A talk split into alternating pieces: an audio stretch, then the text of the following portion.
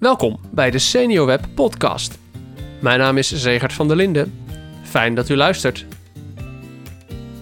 De maand maart staat bij SeniorWeb in het teken van online veiligheid en privacy. In deze vier podcastafleveringen praat ik met verschillende gasten over dit thema.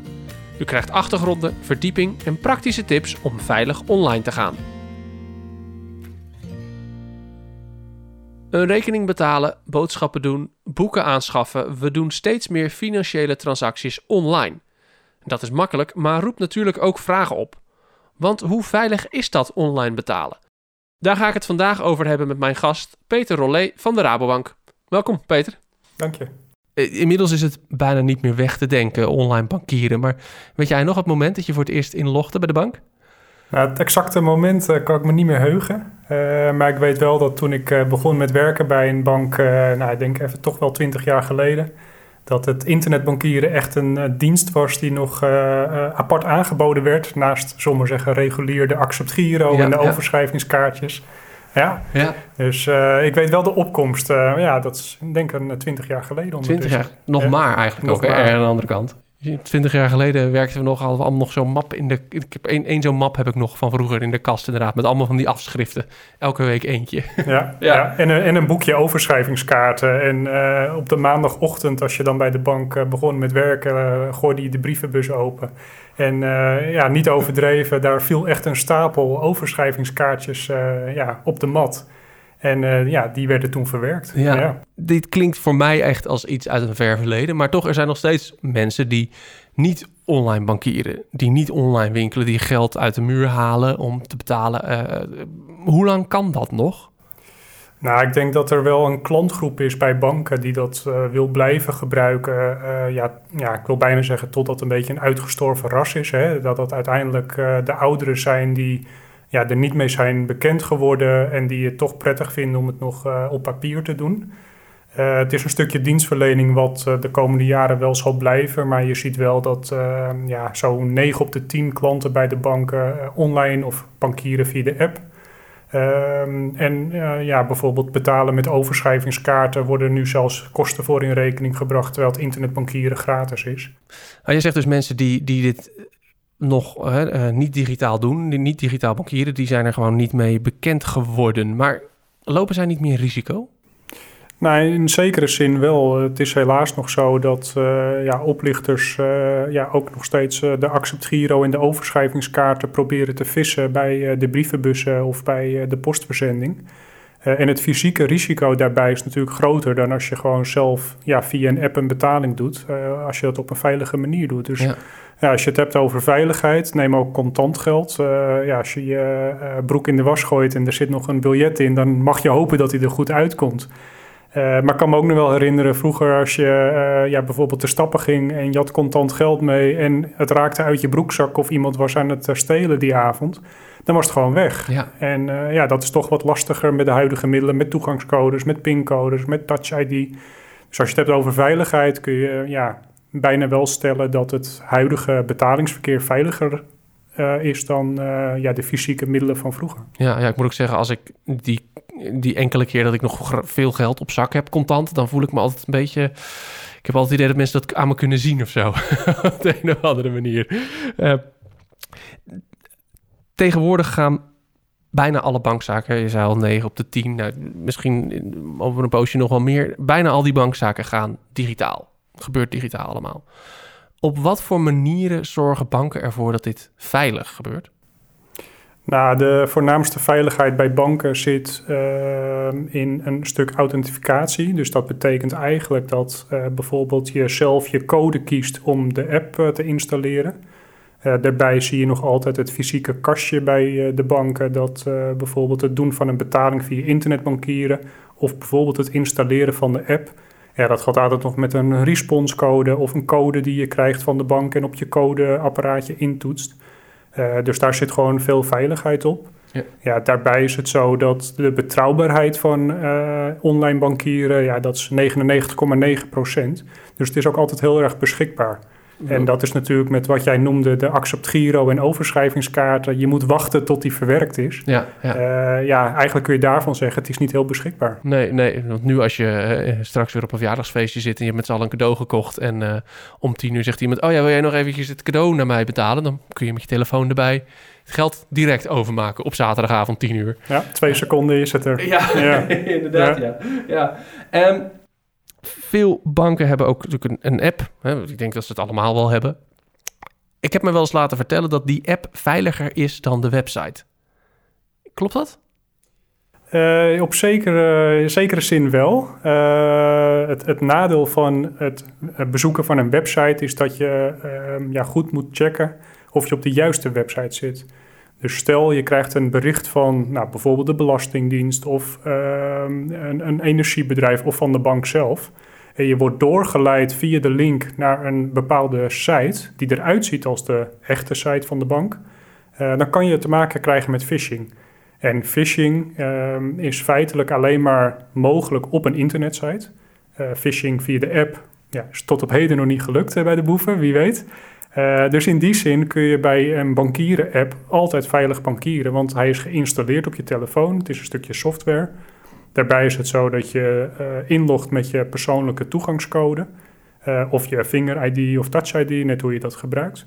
Terwijl je bij het internetbankieren dus ja, ook zomaar op in, in ieder geval bijvoorbeeld www.rabobank met twee O's terechtkomt. Ehm, dus daar moet je altijd ja, extra opletten. Als je het hebt over gewoon het bezoeken van de website, eh, ja, dan zijn beide net zo veilig met ja, de juiste handelswijze van eh, de rekeninghouder. Ja, ja, maar het is dus puur dat linkje. eh, in aflevering 1 met Esther Mierenmet heb ik daar ook al even over gehad.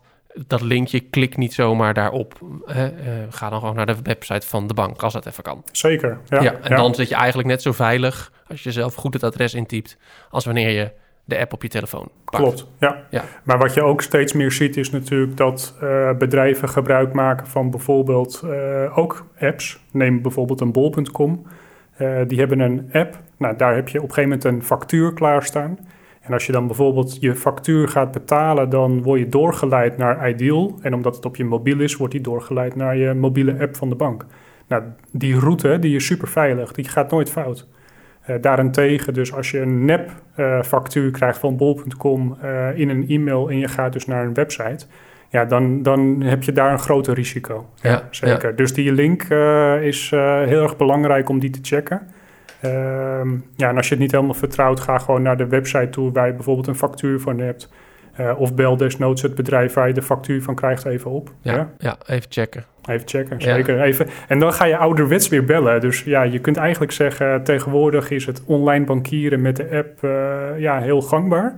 Eh, maar het ouderwetse belletje van klopt het dat ik van jullie een rekening krijg? Ja, die ja, moet je zeker doen. Blijft toch altijd goed, ja. ja, ja. Dus het, het, het zwakste punt van de app is eigenlijk dus de gebruiker van de app. Altijd. Ja, Ja. helaas is dat altijd de altijd, conclusie ja. bij elk eh, fraudeonderzoek wat bij de bank plaatsvindt, is toch vaak de gebruiker, de rekeninghouder, de zwakste schakel. ja. Eh, ja, die heeft eigenlijk gegevens achtergelaten op eh, een site die eh, door oplichters wordt meegekeken. Ja? ja, ja, ja. Ja. Ehm, dan komen we bij dat online winkelen. Nou, we zijn de laatste jaren en misschien zelfs ook wel het laatste jaar nog extra veel online gaan winkelen. Ik bedoel, het aantal bezorgbusjes in de straat is bijna niet meer te tellen. Ehm, kan dat dan altijd veilig? Hoe weet je, laat ik het zo zeggen, hoe weet je dat, dat, dat, dat zo'n winkel waar jij komt veilig is? Nou, je kunt ervan uitgaan dat als je een aanbod ziet op een site die je eh, nog niet eerder hebt ontdekt, zullen we maar zeggen. Ehm, dus bijvoorbeeld, ehm, je googelt op een bepaald product en er komen er een aantal uit dat je denkt, nou, deze website heb ik nog nooit gezien. Eh, ik ga eens even kijken. En het is een aanbod. Eh, ik noem altijd de PlayStation 5. Hè. Ik ben zelf Spelcomputer, een spelcomputer, de nieuwste, de ja. nieuwste, niet te krijgen. Maar er is een website die hem wel krijgt, ook nog voor een hele mooie prijs. Dan weet je eigenlijk zeker, dit klopt niet helemaal. Dus als het te mooi is om waar te zijn, is het te mooi om waar te zijn. Ja, Ja, zoals eigenlijk ook dat is weer net als in het echte leven. Als het te mooi om waar te zijn is, dan lijkt, dan is het dat ook meestal zo. klopt. Ja, Ja. Dus ja. als je gewoon een eh, betrouwbare website of webwinkel eh, bezoekt, neem eh, ja, bol.com, Coolblue, Mediamarkt, ja, dat soort winkels kun je gewoon van uitgaan dat is goed. Die hebben goede klantenservice, zijn bereikbaar. Ehm, ja, daarbij is het zo dat als je wel op een website komt en je moet bijvoorbeeld al een betaling doen naar het buitenland of uh, ja, gekke dingen. Uh, betaling vooraf bijvoorbeeld alleen maar mogelijk en niet achteraf. Ja, dan, dan moet je eigenlijk al gaan nadenken van wil ik dit wel? En um, bijvoorbeeld Marktplaats. Hoe weet jij ook hoe die dat regelen? Want dan is het natuurlijk nog wel een stapje lastiger. Omdat je dan niet een... Je hebt dan wel Marktplaats wel als hè, betrouwbare partij. Maar je weet niet wie er aan de andere kant zit die jou die, nou ja, noem maar wat, die tafel aanbiedt. Hoe, weet jij hoe Marktplaats dat regelt, dat dat veilig gaat? Nou, bij Marktplaats is het eigenlijk zo dat je uh, binnen een, een ja, seconde of drie heb je een account aangemaakt. Je hebt daar eigenlijk alleen maar een mailadres voor nodig. Nou, die heb je met 10 seconden aangemaakt, zeg ik altijd ja. maar. Uh, dus de veiligheid op Marktplaats, je moet ervan uitgaan dat het niet klopt. Als je dat als uitgangspunt neemt uh, en, en dan ga je een aantal controles doen, zoals bijvoorbeeld uh, kan ik contact krijgen met die persoon, heeft hij reviews van anderen, heeft hij een langere gebruikershistorie, waarbij je ook dan in je achterhoofd moet houden dat dat soort accounts ook wel gehackt worden. Dus iemand die bijvoorbeeld 15 jaar actief is op Marktplaats, uh, maar bijvoorbeeld zijn wachtwoord niet goed heeft beveiligd, kan zomaar een oplichter uh, bezig zijn met zijn account. Uh, bij Marktplaats is het erg van belang om je af te vragen, bijvoorbeeld wat jij noemt een tafel. Ja, wil je die kopen in Breda of Rotterdam terwijl je bijvoorbeeld in Groningen woont? Ja. Ehm, zoek gewoon meer in je regio en uh, probeer gewoon bij iemand aan de deur te komen. Ook al is dat lastig in deze coronatijd, begrijp ik. Ehm, maar ga er gewoon van uit dat je een beetje in een bepaalde cirkel moet blijven. Ehm, en als je een keer wel een aankoop doet en je betaalt het vooraf, bestaat de kans gewoon dat je wordt opgelicht. Ja. En dat, moet je, ja, dat risico moet je zelf nemen. Wat belangrijk is bij Marktplaats om te beseffen, is dat er heel veel phishing plaatsvindt via Marktplaats. Dus op het moment dat je nu bijvoorbeeld kijkt naar ja, de e-mailtjes en sms'jes die je soms krijgt van bijvoorbeeld je bank. Uh, u heeft een nieuwe pas, klik hier. Nou, de klikkans wordt steeds kleiner, want mensen worden steeds uh, meer bewust van dat soort phishing. Het verplaatst zich een beetje naar dat soort media als Marktplaats, maar ook bijvoorbeeld Instagram en Facebook. Ze creëren een soort, de oplichters dan, een, mm -hmm. een soort vertrouwensband van ik heb een product, wil je het van me kopen? Ik heb hier bijvoorbeeld een PostNL-label of een DHL-label voor je. Uh, of inderdaad een linkje van de bank. Nou, dan in die modus zitten oplichters dat er sneller geklikt wordt, want mensen vertrouwen het ja. of die willen iets aankopen. Dus Marktplaats wordt gebruikt voor ja, eigenlijk phishing. Het wordt steeds lastiger.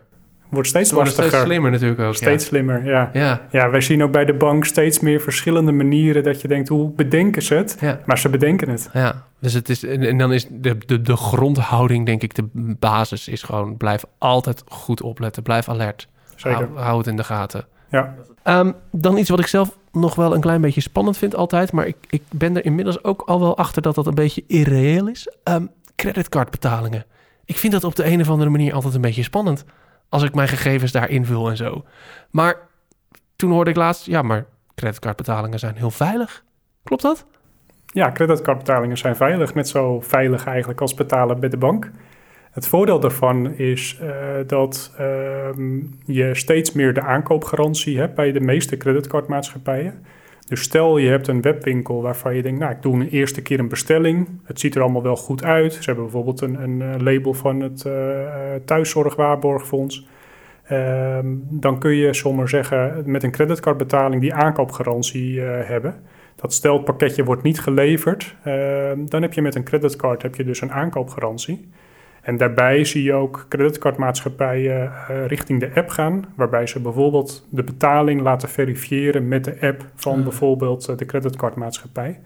Uh, dus waar je ook je betaling moet verifiëren, zie je ook steeds meer creditcardverificatie. Ja, ja, ja, misschien is mijn angst ook wel dat ik, dat ik dan denk, oh straks komt mijn creditcardgegevens in verkeerde handen. En een creditcard zit natuurlijk een behoorlijke limiet op, daar kun je behoorlijk mee, hè, mee, mee uitgeven op een dag.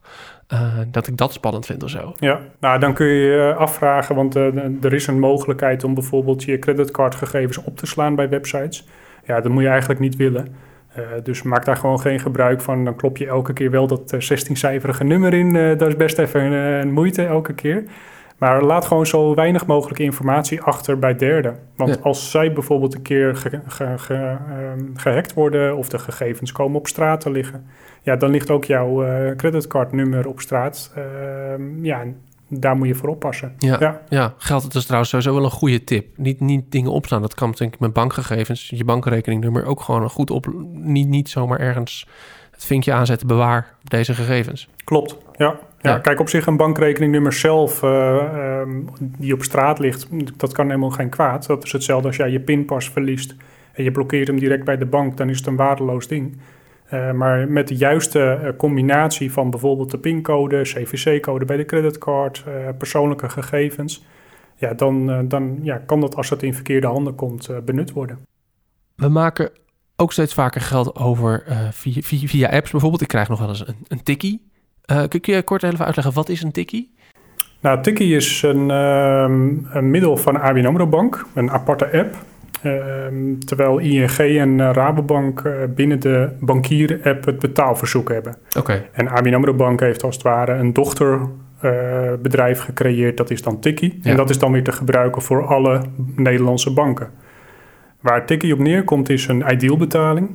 Dus eh, je creëert eigenlijk een ideal-link die je naar iemand toestuurt. En op het moment dat die eh, ja, de betaling doet, wordt die doorgeleid naar een ideal-omgeving en eh, doet de betaling. Ja, ja, en ideal is, dus, is dat wat je kent van, nou ja, we noemden ze al bol.com bijvoorbeeld. Als je daar met je bankrekening je bestelling betaalt, dat is ook een ideal betaling. Ja. Dat is eigenlijk hetzelfde, dus dat is dat. Ja. Ja. En je kunt ook via Tikkie-app eh, tegenwoordig en ook de betaalverzoek-apps van de andere banken kun je QR-codes aanmaken.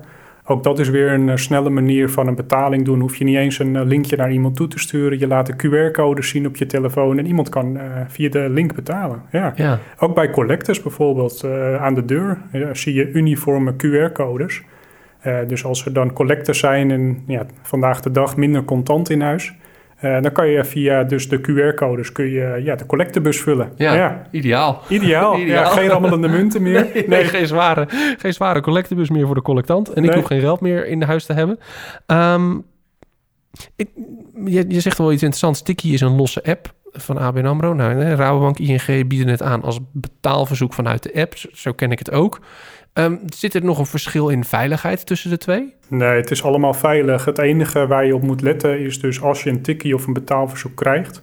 eh, klopt het dat ik dat betaalverzoek krijg? Klopt het bedrag? Eh, je ziet bijvoorbeeld eh, de eh, oplichting met WhatsApp. Dus iemand krijgt een app van bijvoorbeeld zijn zoon of dochter.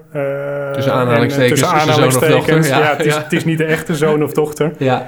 Maar er is gewoon ergens een simkaartje gekocht met een mobiele telefoon. En ja, bijvoorbeeld je telefoonnummer is bekend door een datalek bij, het, een hotelbedrijf of een schouwburg. Ja, dan kun je een appje krijgen met zo'n tikkie of betaalverzoek. Dus ja, het tikkie en betaalverzoek is veilig.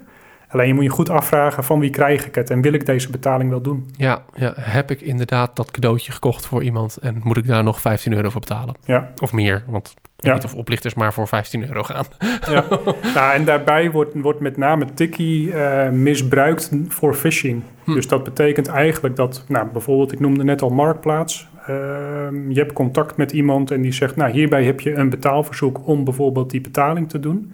Ja, dan kan zo'n tikkie, het ziet er dan uit als een tikkie-link, eh, misbruikt worden voor bijvoorbeeld eh, eh, phishing. Ja. Dus dan denk jij, je krijgt een app met bijvoorbeeld een betaalverzoek, een tikkie of een PostNL-label.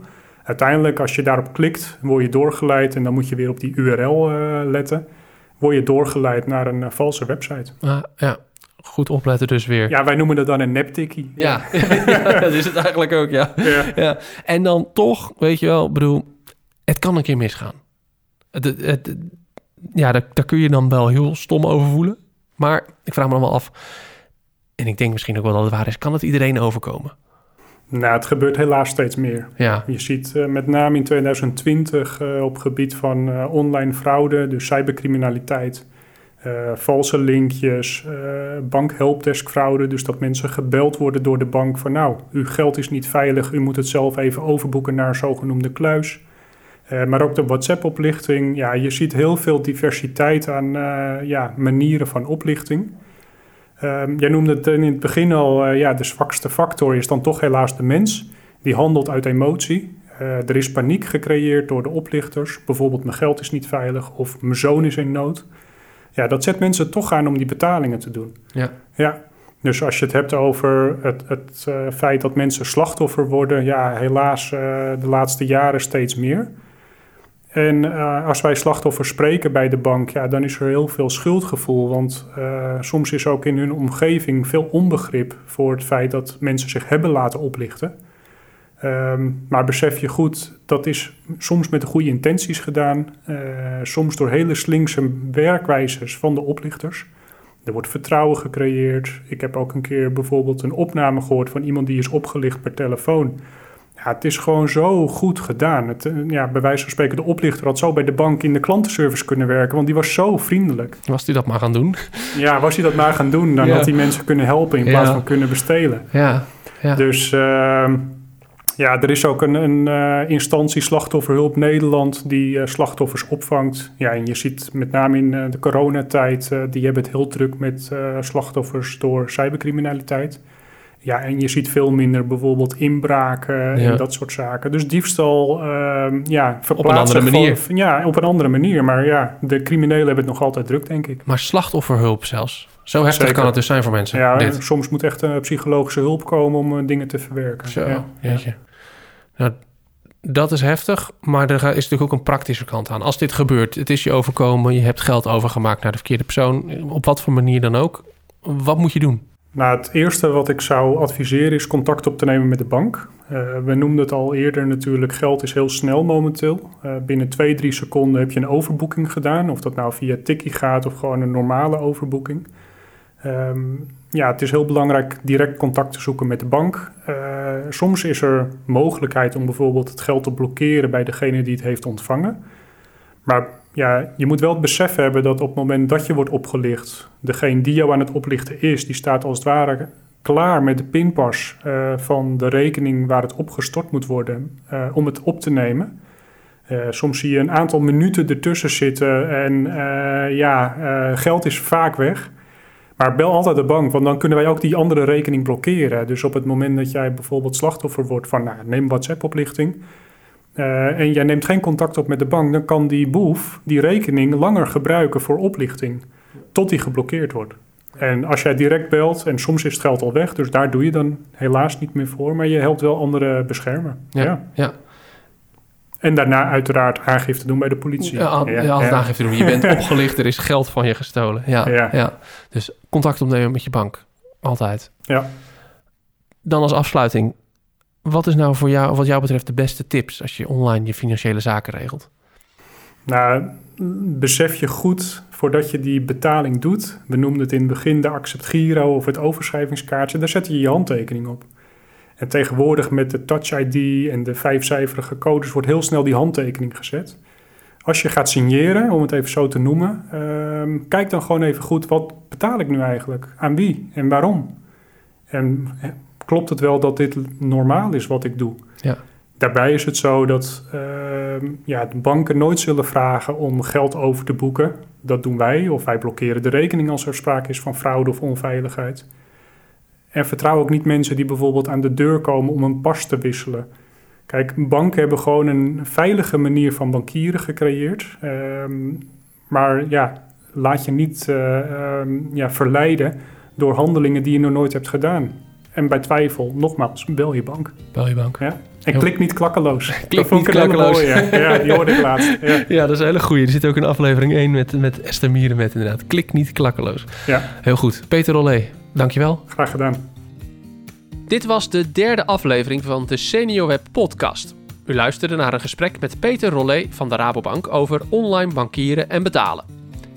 Wilt u meer tips en informatie over online veiligheid? Kijk dan op www.seniorweb.nl en klik op online veiligheid en privacy.